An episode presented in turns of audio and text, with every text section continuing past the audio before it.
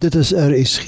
Dis nou tyd vir die vroegoggendgedagte, volgende aangebied deur Elise Potgieter van Pretoria. Goeiemôre luisteraars. Jesaja 26 lees: God sal die een wie se gedagtes by hom bly, perfekte vrede gee omdat hy op God vertrou. Wat is perfekte vrede? Die Nuwe Testament praat van twee soorte vrede. Die eerste vrede het te doen met ons verhouding met God. Dit is 'n vrede wat jy bekom in 'n groeiende verhouding met God Almagtig ons Vader. Die ander vrede het te doen met ons ervaring in die lewe en wat ons leer om dinge in plek te bring wat ons lewensomstandighede beter kan maak. Maar as Jesus vir ons sê vrede laat ek vir julle na, die vrede wat ek gee kan die wêreld nie vir julle gee nie, bedoel hy hy weet ons gaan vrede op ander plekke in die wêreld soek en dit is vals vrede. Die Hebreëse woord Shalom se kernbetekenis is vrede. As iemand jou byvoorbeeld sou groet met die woord Shalom, beteken dit dat vrede oor jou moet wees en dat die beste van alle goedheid op jou pad sal kom.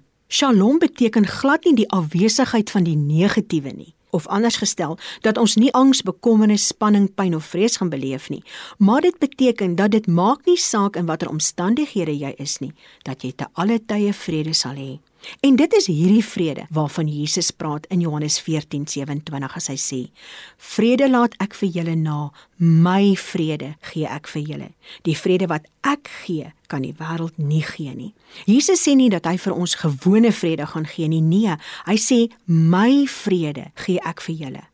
God Almagtig is die bron van vrede en God ons Vader se Gees, die Heilige Gees, is ook die Gees van Christus en die Gees van God wat in ons woon. Dus woon die bron van alle vrede in ons. Hierdie woorde het Jesus gespreek die nag voordat hy die volgende dag die wreedste marteling en dood sou sterf. Die vrede waarvan die Bybel praat, is 'n innerlike vrede wat slegs God Almagtig deur sy Gees kan gee. Dit is 'n gevoel van goedheid wat nie aangeraak word deur omstandighede in die wêreld nie.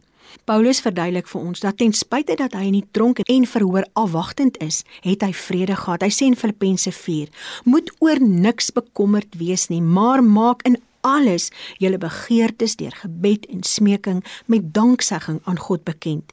En die vrede wat alle verstand te bowe gaan, sal oor julle harte en gedagtes die wag hou in Christus Jesus." Hierdie vrede is nie gebaseer op omstandighede nie.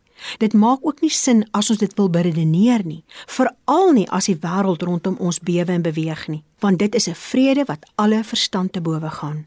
En daarom bid ons ver oggend Vader in die naam van Jesus Christus, gee my asseblief u vrede. Amen. Die vroegoggendgedagte hier op RSG is aangebied deur Elise Potgieter van Pretoria.